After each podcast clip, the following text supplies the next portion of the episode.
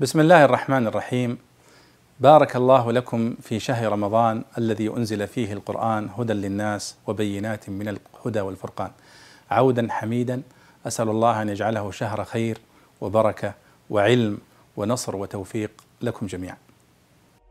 إني لأعجب ممن يقرأ القرآن ولا يفهم معانيه كيف يتلذذ بقراءته. كيف يتلذذ بقراءته. سائل يسأل عن معنى قوله تعالى تختانون أنفسكم وقد وردت هذه الآية في قوله سبحانه وتعالى في آيات الصيام في سورة البقرة أحل لكم ليلة الصيام الرفث إلى نسائكم هن لباس لكم وأنتم لباس لهن. علم الله أنكم كنتم تختانون أنفسكم فتاب عليكم وعفى عنكم. فالآن باشروهن وابتغوا ما كتب الله لكم هذه الآية تشير إلى مسألة من مسائل المتعلقة بالصيام وهو أن الله سبحانه وتعالى يقول أنه يجوز للرجل المسلم ويجوز للمرأة في في ليل رمضان يعني من غروب الشمس إلى الفجر. يجوز له أن يواقع زوجته وأن يجامع زوجته وقد كان ذلك ممنوعا قبل هذه الآية.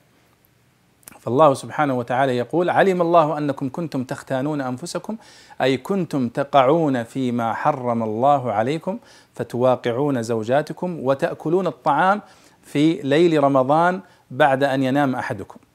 هذا كان في أول آه، في أول آه، الصيام في فرض رمضان كان يحرم على الرجل أن آه، إذا نام أو نامت زوجته أن يجامعها بعد ذلك أو أن يأكل طعاما. فبعض الصحابة رضي الله عنهم لم يكن يلتزم بذلك. فيقع في الخيانة لما أمر الله به. وهذا معنى علم الله أنكم كنتم تختانون أنفسكم. أي تخونونها فترتكبون ما حرم الله عليكم من ذلك. فالآن بعد هذه الآية قال فالآن باشرهن يجوز لكم يجوز للرجل أن يجامع زوجته في ليل الصيام. و كلوا واشربوا حتى يتبين لكم الخيط الأبيض من الخيط الأسود من الفجر.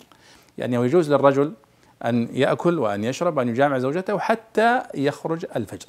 هذا هو معنى الآية. فمعنى تختانون أنفسكم اذا أي تقعون في الخيانة تخونون ما أمركم الله به فتأتون خلافه.